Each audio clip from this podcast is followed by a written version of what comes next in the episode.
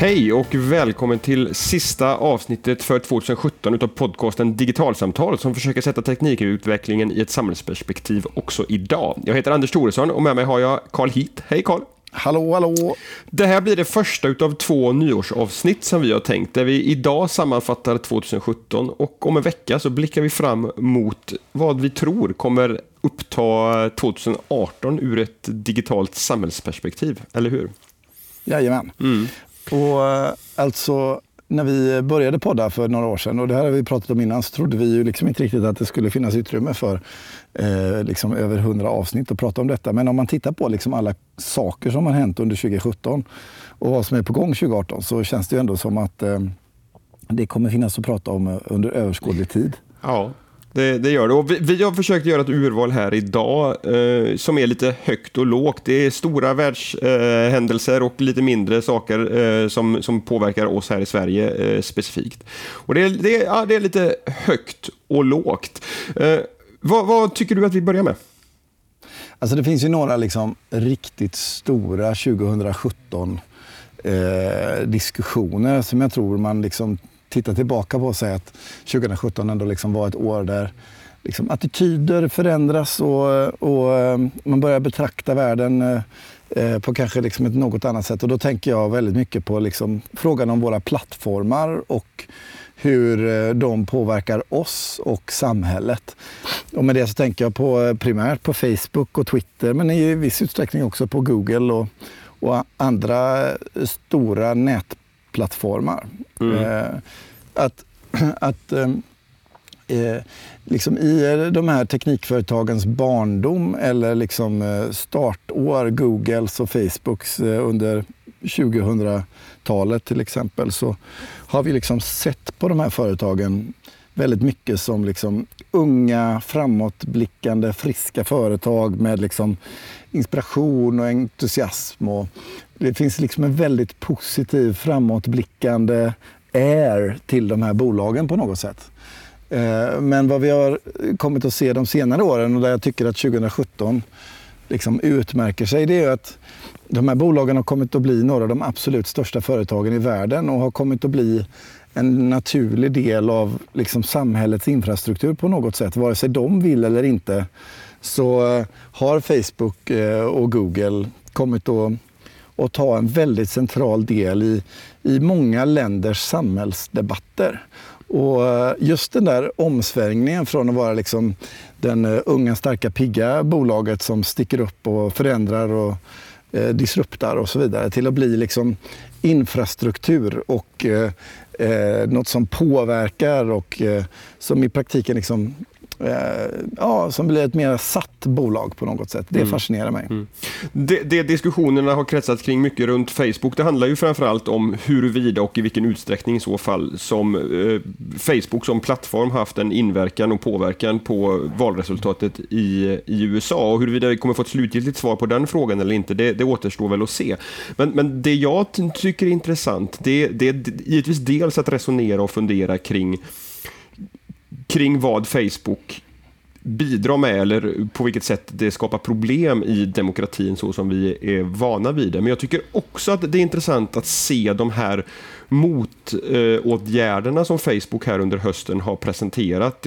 Och då tänker jag framförallt på den här tekniska lösningen som ska göra det möjligt att för, en genomsnittlig vanlig Facebook-användare att se vilka annonser som en viss Facebook-sida för tillfället kör på Facebook, alltså som, som köpt innehåll som man inte ser i den här Facebook-sidans flöde normalt. Och det, det du som... tänker på det här med dark ads? Ja, att men... liksom, när liksom, eh, det har varit möjligt att liksom köpa annonser på Facebook som en enskild person eller en liten grupp människor eh, får sig till del. Men för den omkringliggande omgivningen har det inte varit möjligt att se vare sig annonsen eller avsändaren eller någonting. Nej, nej precis. Utan, utan det här är då ett, ett flöde som, som bara, eller ett innehåll rättare sagt, som bara har visats upp upp eh, som, som köpt innehåll i en utvald målgrupps Facebookflöde, men däremot om man gått in på den här Facebook-sidan så har inte motsvarande inlägg gått att se där. Men det, och det som jag tycker är intressant med det här, att, att Facebook nu eh, på prov i Kanada först och sen om det faller väl ut kommer göra det i andra länder också, gör det möjligt att gå in och se vilka annonser som... Och det här tror jag att det är så att det kommer vara de annonserna som just nu visas. Det kommer inte vara möjligt att se en historisk tillbakablick över vilka annonser som, som har körts tidigare, utan det, det är liksom en realtidsbild av hur den här sidan annonserar på Facebook för tillfället.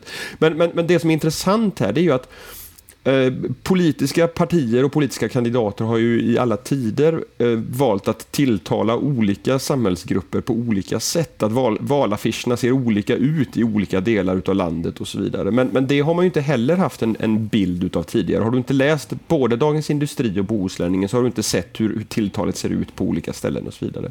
Men, men det som, som blir möjligt här, det är ju att Ja, då, att, att, att för alla att se vilka annonser körs för tillfället. Och det, till den mer generella nivån som jag tycker att det här är intressant att börja fundera på då, det är ju att hittills har, har det pratats väldigt mycket om tekniken som, ett, som en, en, problem, en utmaning för demokratin att hantera. Men, men det här tycker jag ändå sår ett frö till att börja fundera på, ja men hur kan tekniken istället användas för att stärka demokratin på olika sätt? Och då handlar inte det bara om i valsituationer utan också kanske, med, med, med, som vi har varit inne på i podden tidigare, med, administrativa system för att hålla koll på att eh, tjänstemän fattar rätt beslut och så vidare, för att bygga en tilltro till de offentliga institutionerna och myndigheterna igen.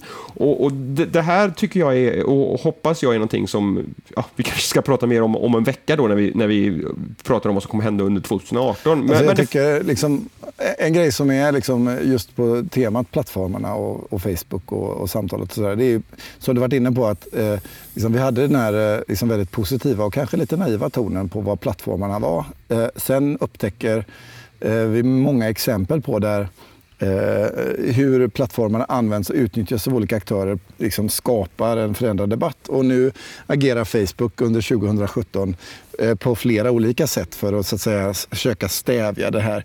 Eh, det som är en pågående debatt och som vi, inte, som vi tror jag bara sett början på, det är ju liksom var den här typen av regleringar sker. I Tyskland så har ser Facebook annorlunda ut i, jämfört med Sverige och Twitter också eftersom man har olika typer av lagstiftning vad gäller till exempel hatbrott och så vidare. Eh, och det är ju en fråga som i allra högsta grad är aktiv. Det är ju liksom var ska den här typen av reglering ske? Ska det vara plattformarna och Facebook som själva agerar och ändrar och skapar förutsättningar? Eller är detta någonting som lagstiftaren i Sverige, eller USA eller England eller vem det är kommer att stifta lagar kring? Och, och, och hur det här utvecklas, det lär vi få se. Men 2017 är ju absolut året där de här frågorna blev eh, verkligen stora. Mm. Och jag skulle, innan vi släpper den diskussionen så skulle jag vilja lyfta fram en annan sak som har legat och skavt hos mig ett, ett tag. Och det är ju att i de här diskussionerna som, som dyker upp om huruvida Facebook behöver förändra sina algoritmer för att lyfta fram ett annat innehåll än vad de gör idag och så vidare, så, så hör man alltid ett motargument som går ut på att ja, men Facebook ska inte lägga sig i vad det är jag får se. Eh, lite grann börjar det släppa, men, men det, det som jag vill på påminna om här, det är att det, det, är ju inte så att Facebook idag, det finns ju ingen objektiv av naturen given neutral sortering av information, utan även så som Facebook väljer att sortera innehåll idag är ju beslut som är fattade och får konsekvenser. Så att, att att använda någon slags Facebook har inte i urvalet att göra argument. Jag hör det inte riktigt lika ofta längre och jag hoppas slippa det helt och hållet framöver. Nej men absolut. Och, och, sen har vi, om vi ska liksom lämna just eh, den biten, så har vi ju näraliggande händelser under 2017. Det är ju begrepp som fake news eh, som man blir lite trött på vid det här laget eh, när det skriks ut på Twitter eh, dag ut och dag in. Eh, jag kan tycka att liksom, eh, och, och, se, det har funnits flera exempel på hur liksom, debatten om vad sanning är och eh, debatten om liksom, eh, vad som är vederhäftigt och inte och vad som är äkta och falskt och sådär. Den har ju verkligen kommit att eh, på många sätt skada en samhällsdebatt och jag kan verkligen inte annat än att liksom beklaga eh, lite grann över den utveckling vi har sett här under 2017. Vi, vi ser ju till exempel exempel på hur eh, despoter i olika länder plockar upp den retorik som till exempel den amerikanska presidenten använder i den här frågan. Och där hans beteende blir så att säga, en ursäkt för att själva kunna bete sig på ett likartat sätt och liksom prata om eh, eh folkmord eller slavhandel eller vad det nu kan vara om, i termer av fake news och så vidare. Och, här hamnar vi ju liksom i ett helt nytt liksom, medieklimat på nätet eh, under 2017 som verkligen Ehm, eh, ställer liksom frågan om journalistik på sin spets och frågan om liksom hur man beskriver, dokumenterar och, och, och jobbar och handskas med journalistik i en, i en tid där eh, kanaler och eh, personer med makt eh, liksom förändrar förutsättningarna för, eh, för det samhälleliga samtalet någonstans. Det stämmer till eftertanke kan man säga. Mm. I allra högsta grad. Och det här är också någonting som vi kommer komma in i när vi blickar framåt mot, mot 2018. Um, ehm, i somras så var IT-säkerhet eh, på tapeten rejält efter eh, Transportstyrelsens eh, outsourcing-affärer och det har ju fortsatt med mindre eller större liknande avslöjanden under, under hösten. Vad, vad tänker du om det? Alltså jag tänker ju många olika saker. Alltså till att börja med så tycker jag att det är bra att frågan om eh, informationssäkerhet och, och IT-säkerhet eh, eh, kommer eh, i dager eh, och diskuteras på politisk nivå. Eh, väldigt ofta så blir ju teknologi föremål för tekniska diskussioner bland tekniker. Man låter IT-chefen, eller vem det kan vara, föra diskussionen och resonemanget om det här. Men som vi såg i Transportstyrelsefallet och som vi också sett till exempel i fallet med eh, IT, införandet av IT-plattformar i Göteborgs stad och, och eh, informationssäkerhets och eh, frågor och så vidare. Det finns många exempel. Så, så har man liksom undanhållit sig för att diskutera de här frågorna på högsta ledningsnivå. Eh, och det här eh, tror jag liksom Eh, man kan se frågan om Transportstyrelsen som en liten liksom murbräcka egentligen för att eh, väcka frågan om samhällets digitalisering och eh, säkerhetsfrågor i annat ljus och i annan dager också i myndighetsvärlden. En reflektion jag har på temat är att vi har ju under senare år sett framväxten av eh, en ny roll i, i näringslivet, CDO-rollen, alltså Chief Digital Officer eller Chief Digitalization Officer. En slags position i en företags ledningsgrupp där man ser att de traditionella IT-frågorna det är en sak, men frågorna om digitalisering och människor och processer och så, de är en annan. Eh, och man har sett behovet av att lyfta in de här frågorna i eh, eh, företags eh, direkta ledningsgrupper. Eh, kanske är det så att årets ljus som har liksom pekats vad gäller frågor om informations och IT-säkerhetsfrågor eh, driver på den här utvecklingen inom offentlig sektor också där man ser att det här inte handlar om en teknisk fråga som är underställd en kommunikationschef eller ekonomichef eller så i en, i en myndighet eller i en kommun eller så utan här handlar det om att se digitaliseringsfrågorna som en primär kärnverksamhet för den offentliga institutionen och att man därför också behöver förhålla sig till de här frågorna i den primära ledningsgruppen. Eh, för någonstans så, så, så har det ändå skakat om så mycket. Så jag vill hoppas eh, att eh, alla de här händelserna har, har pekar åt det hållet. Mm. Jag, jag, tänker en annan, jag tänker en annan sak också som, som kopplar lite grann egentligen till hela utgångspunkten för den här podden som, som är en diskussion bland annat om hur mycket IT behöver en, en vanlig medborgare kunna. Och jag ser att, att här är det liksom en, en brist egentligen i, i två steg. Därför att som alla behöver fundera över den informationen som jag är satt att hantera i, i mitt jobb eller i andra sammanhang. Vad har den egentligen för, för värde? Vem, vem är den viktig för? I vilken utsträckning är den känslig? I vilken utsträckning kan jag ställa mig på torget och skrika ut den? Och, och, och skulle jag snarare skicka den med hemlig kurir någonstans? Och sen därifrån då resonera kring vilka skyddsåtgärder är rimliga att vidta. Därför att hela tiden så handlar ju det här om att det går att bygga väldigt, väldigt säkra system, men de är också många gånger ganska användarovänliga. Men man, man måste ju inse att, att ibland är vi tvungna att brottas med lite högre trösklar, tyvärr, därför att den informationen som vi är satta att hantera faktiskt kräver det. Och Det är därför det är så viktigt att inte bara teknikerna förstår teknikens konsekvenser, utan det här är ju en, en allmän baskunskap eh, i, i viss utsträckning som, som ligger på, på oss alla att faktiskt förstå.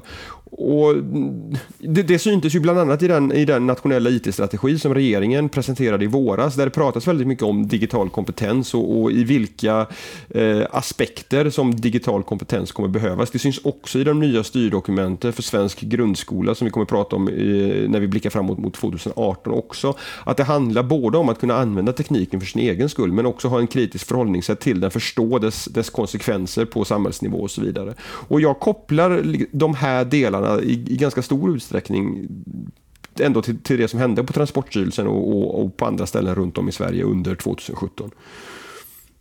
Ja, det finns ju det. Man kan väl prata om lite parallella processer här. Att eh, det är saker och ting som dockar in i varandra och, och, och som kanske skapar lite ringar som gör att eh, vi ser en mer eh, liksom grannlaga och, och eh, fördjupad, eh, ett grannlaga fördjupat arbete i de här områdena i det offentliga. Eh, under, under kommande år. Jag tänker också på det här, en sak som knyter an till detta, det är ju som vi pratat om eh, i tidigare samtal, det är ju frågan om design och offentliga tjänster eh, och, och, säkerhet som ju absolut hänger ihop i många avseenden. Du pratade om det där att ibland behövs det lite mer friktion och så kan det ju vara fallet, men det kan ju också vara fallet att de tjänster som eh, tillhandahålls i det offentliga skulle behöva en, eh, ett mer personcentrerat förhållningssätt och kunna användas på ett sätt som gör att användaren med enkelhet kan använda en tjänst säkert. Mm. Och här tror jag liksom kopplar man ihop liksom behovet av säkerhet med behovet av god design eh, så finns det ju väldigt mycket att göra i, i våra IT-miljöer. Jag tror att mycket säkerhetsproblem eh, inte sällan uppstår just på grund av att system är för komplexa och kluriga att använda eller där processen av att bete sig på rätt sätt är så omständig att man väljer ett annat förfarande som är mycket mindre säkert. Eh, och, och ehm, här tror jag liksom eh, mer kunskap i våra ledningsgrupper eh, runt om i landet i det offentliga skulle kunna skapa mycket bättre och mer gynnsamma förutsättningar för goda beslut i, i, eh, i verksamheterna. Mm.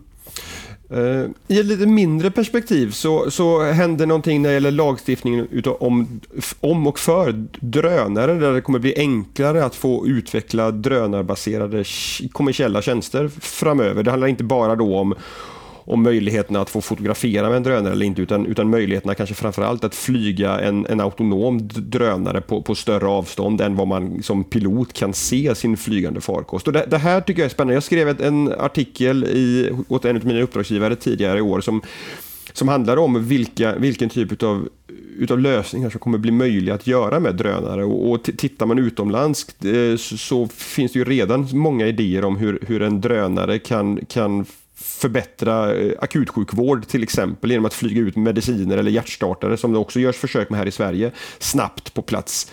Ehm, och det här är också en, en, teknikutveckling som kopplar mycket till artificiell intelligens och till bildigenkänning och så vidare därför att det är, det är tekniska framsteg som kommer göra det möjligt att, att, att flyga de här drönarna på, på många olika sätt. Och jag, jag tror att vi kommer att få se mycket spännande saker här framöver också eh, utifrån eh, andra aspekter än det som det har pratats om hittills, nämligen varuleveranser hem eller mäklare som tar häftiga flygfoton för objekt som ska läggas upp på, på Hemnet. Men det jag tänker just om 2017, det är intressant i sammanhanget att det gjordes en liksom politisk omsvängning eh, lite granna eh, i drönarfrågan. Där eh, det först visade sig att det blev eh, Eh, liksom begränsningar i hur kameror fick eh, eh, användas på drönare. Och sen dröjde det faktiskt inte särskilt lång tid innan det blev en lagändring eh, som gjorde det möjligt eh, att faktiskt kunna flyga med kameror eh, under mycket enklare omständigheter. Och, eh, och, det kan man väl någonstans se att det hade varit intressant att se just i andra sammanhang också, alltså kopplingen mellan digitalisering, förändringstakt och juridik. Eh, att hitta bättre liksom, format och möjligheter där eh, mellan eh, mellan eh, liksom de juridiska processerna och den eh, liksom digitala utvecklingen. Hur gör man för att designa processer där vi kan nyttja möjligheterna med digitalisering också juridiskt eh, och skapa juridiska förändringar utan att för den delen riskera liksom ett juridiskt moras och kaos och oprövade lagar och eh, konstig juridik och sådär. Här, här tror jag liksom eh, givet att samhällsförändringstakten ökar så blir vår liksom, relation till juridiken eh, helt plötsligt lite annorlunda också. Mm. Under hösten här så eh, har det ju hänt lite mer grejer. Eh, de senaste månaderna bara. Eh, dels så har ju internet, eh, och det vet vi sedan många gånger tidigare, liksom skapat förutsättningar för människor att samlas kring frågor på sätt som bara inte tidigare var möjligt. Och 2017 är ju ett enastående exempel på det med hjälp av i, i metoo-rörelsen som ju är sprungen egentligen ur en en hashtag och en, eh, ett antal scenarion och berättelser i USA men som sen fick ett liksom genklang i, i stora delar av världen, inte minst i en, i en svensk kontext där vi har sett ett 50-60-tal olika metoo eh, eh, bara under eh, ett par månader här. Mm. Eh, och det fascinerar verkligen eh, hur eh, en eh, gräsrotsrörelse eh, som liksom bottnar i en gemensam eh, sakfråga eh, som har liksom tydliga samhällsdrag eh, men också är eh, liksom svår att prata om på individnivå. Hur den typen av berättelser med hjälp av sociala medier helt plötsligt kan slå rot och hitta gemensamma kontexter och språk och sammanhang. Eh, det, det stämmer till eftertanke kring liksom hur, är, hur är våra offentliga samtal? Vad innebär eh, i det här fallet ett par eh, privata eh, stora tjänster som Twitter och Facebook för hur framväxten av offentliga samtal i en svensk kontext faktiskt äger rum. För jag, jag är rätt så övertygad om att hade vi inte haft de här sociala möjligheterna så hade vi ju inte kunnat eh, ha de här samtalen överhuvudtaget. Men, men där, där de här samtalen liksom får en direkt inverkan på eh, den fysiska världen, eh, individers eh, livsval och möjligheter och, och eh, liksom berättelser i media såklart, men också i det, liksom, i det lilla mänskliga liksom, mellan individer som ser att jag inte är ensam om den här upplevelsen eller berättelsen.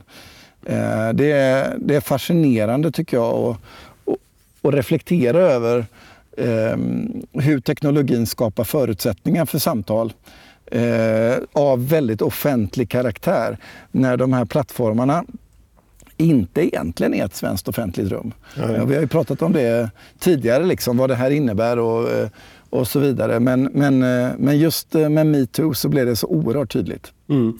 Jag, jag, har funderat en del på, på den, den kraften som man tillskrev de sociala medierna i samband med den arabiska våren kontra det som har hänt här. Och jag, jag, där har du i efterhand en del eh, forskare ifrågasatt vad, vad egentligen de sociala medierna tillförde medan andra menar på att det, det tillförde väldigt mycket. Jag, jag tycker det ska bli spännande att se här ifall det finns några som sätter sig ner och faktiskt tittar på det här på riktigt ur en, ur en, för, liksom ur en vetenskaplig ansats. Vad, vad betydde egentligen de sociala plattformarna här? För jag, min uppfattning är ju precis som din, att hade det inte varit för eh, hur information idag sprids, hur det idag går att knyta eh, kontakter, bygga eh, kontaktytor och så vidare, så, så, hade vi fortfarande inte fått de här berättelserna berättade för oss. Men, men jag kommer också in i det här från ett, från ett integritets och säkerhetsperspektiv. Jag fick för några veckor sedan en förfrågan Eh, från en av de här branscherna där, där den här typen av berättelser har, har samlats in. Eh, hur, hur de skulle tänka kring eh, uppgiftslämnarnas personliga integritet och, och säkerhet. Därför att väldigt många av de eh, kvinnor och tjejer som delar med sig utav, utav de här berättelserna vill ju göra det anonymt.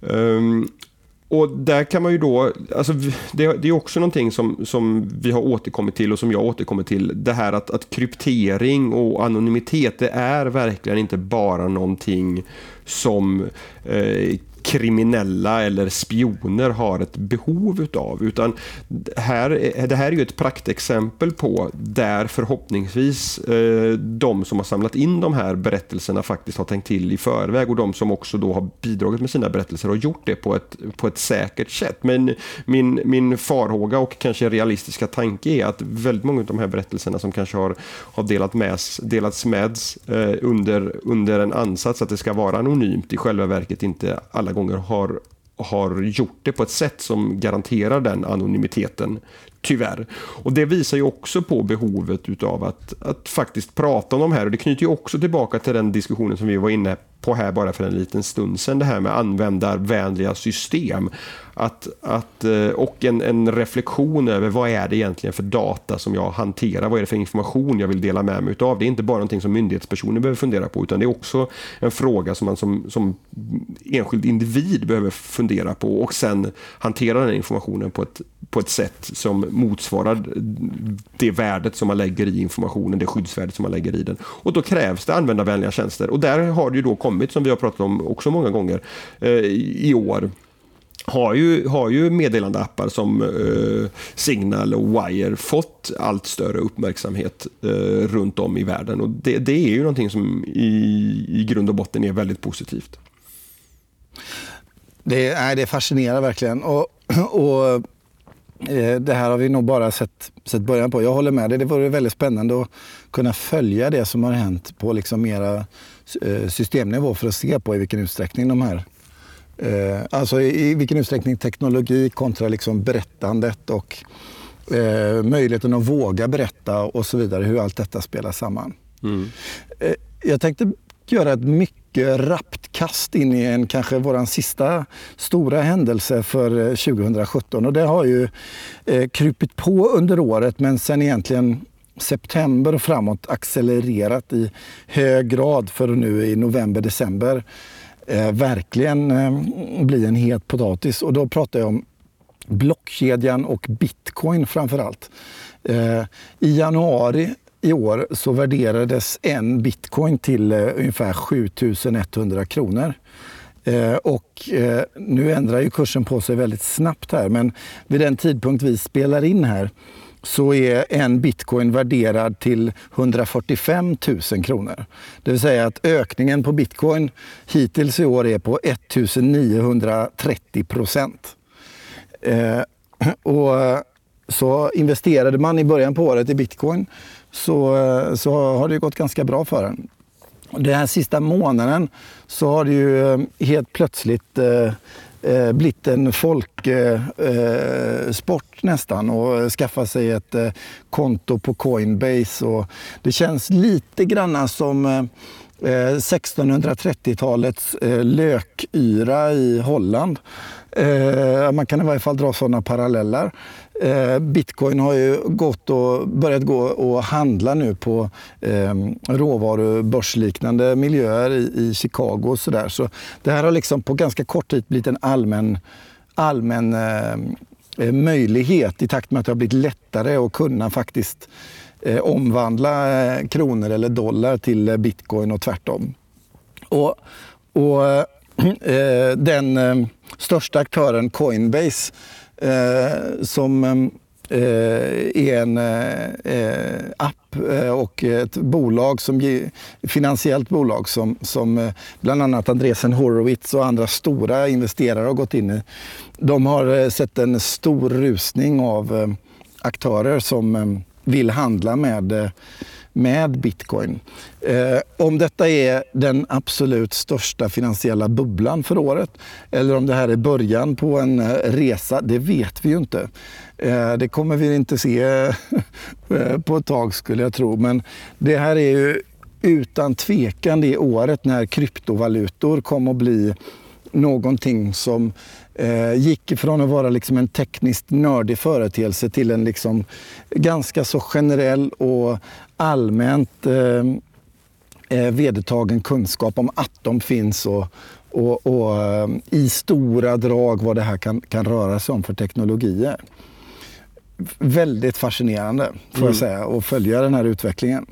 Alltså, jag, jag kan alldeles för lite om ekonomiska marknader och, och hur de fungerar och för att, för att liksom ens vilja försöka ge mig på en gissning om när bitcoin eventuellt pikar. Men det, det jag tycker är viktigt och, och, intressant att lyfta fram här också, det är att bitcoin är ju en tillämpning utav en grundläggande teknik som kallas för blockkedjan som går att använda på väldigt många olika sätt. Och, och den, alltså oavsett vad som händer med bitcoin så är jag ganska, mm. känner jag mig ganska övertygad om att, att blockkedjan som teknik, det här med en, en öppen eh, liggare, en öppen loggbok som man tillsammans i ett nätverk eh, är överens om vad det egentligen är som står inskrivet i den tror jag definitivt kommer få stor betydelse. Jag läste tidigare i år en rapport från en, jag tror att det är en myndighet i Storbritannien som heter uh, Government Office of Science, som hade tittat på hur blockkedjor kan användas inom offentlig förvaltning till exempel och lyfter då fram case som biståndsfinansiering, uh, där man idag har stora problem med korruption och pengar som försvinner ner i fel fickor och i fel hål på vägen. Där man med hjälp av en blockkedja få möjlighet att, att öronmärka pengar. Att det här är en, en, ett värde som bara går att använda för att köpa varan X eller tjänsten Y. Och där, där det också finns möjlighet då att kapa en väldigt massa mellanhänder eh, på vägen från biståndsgivare till mottagare och därmed också minska Eh, Eh, behovet, eh, eh, eller risken rättare sagt, för, för korruption. Och det, det här, just att, att blockkedjorna tar bort behovet utav en pålitlig tredje part, utan där det istället är tekniken som tar det här Eh, ansvaret för att verifiera eh, hur saker och ting egentligen ligger till i en affärsrelation är ju någonting som givetvis har, har potential att förändra väldigt, väldigt många olika branscher och nischer och tillämpningar. Absolut. Och jag, jag, jag, ja, som sagt, alltså blockkedjan, nej, den, precis som du är inne på, jag tror också att den, precis som du, att där kommer vi se väldigt många tillämpningar, både offentliga och, och privata eh, sådana. Bitcoin är jättesvårt att säga. Jag skulle tro att eh, vi kommer att se eh, bitcoin finnas kvar i ett finansiellt ekosystem under, under lång tid. Eh, jag tror att eh, någon form av roll har den. Sen vilket värde eh, en bitcoin eh, borde värderas till, och sånt det har jag inte en susning om. Men, men jag, jag, tror, jag skulle vara väldigt förvånad om den valutan försvann över, över en dag. och, och utan vi, vi, kommer nog se blockkedjans tillämpning som, eh, som bitcoin eh, i någon form också eh, framöver. Mm. Vi har pratat om allt ifrån eh, plattformar till eh, demokrati, till fake news, eh, transportstyrelser, IT-strategier, metoo-kampanjer, bitcoin, drönare. Det känns som att 2017 var ett rätt händelserikt år. Och vi eh, kommer eh, i nästa veckas avsnitt att försöka glänta på dörren till 2018 och bli mera av eh, prognosmakare, eller hur? Så är det. Men för, för idag och eh, för 2017 så tackar vi för oss, jag och Karl. Surfa gärna iväg till Facebook och gilla vår sida där som givetvis heter Digitalsamtal. Där postar vi alla avsnitt och ibland, men inte så ofta som vi kanske borde, lite annat också. Däremot hänger både jag och Karl i Facebookgruppen Digital samhällskunskap där många av de här poddavsnitten faktiskt diskuteras vidare. Har ni en fråga till oss, tveka inte att höra av er. Vi finns på Twitter som digitalsamtal och eh, givetvis på, som e-post den där gamla stenålderstekniken på podcast.digitalsamtal.se. Jättegärna som så här eh, försenad julklapp eller eh, nyårspresent till podden Digitalsamtal så får ni jättegärna gå in att, och eh, ge oss en recension och förhoppningsvis ett högt betyg på iTunes så att fler hittar till oss. Och med det, tack för 2017 och på återseende 2018. Gott nytt år!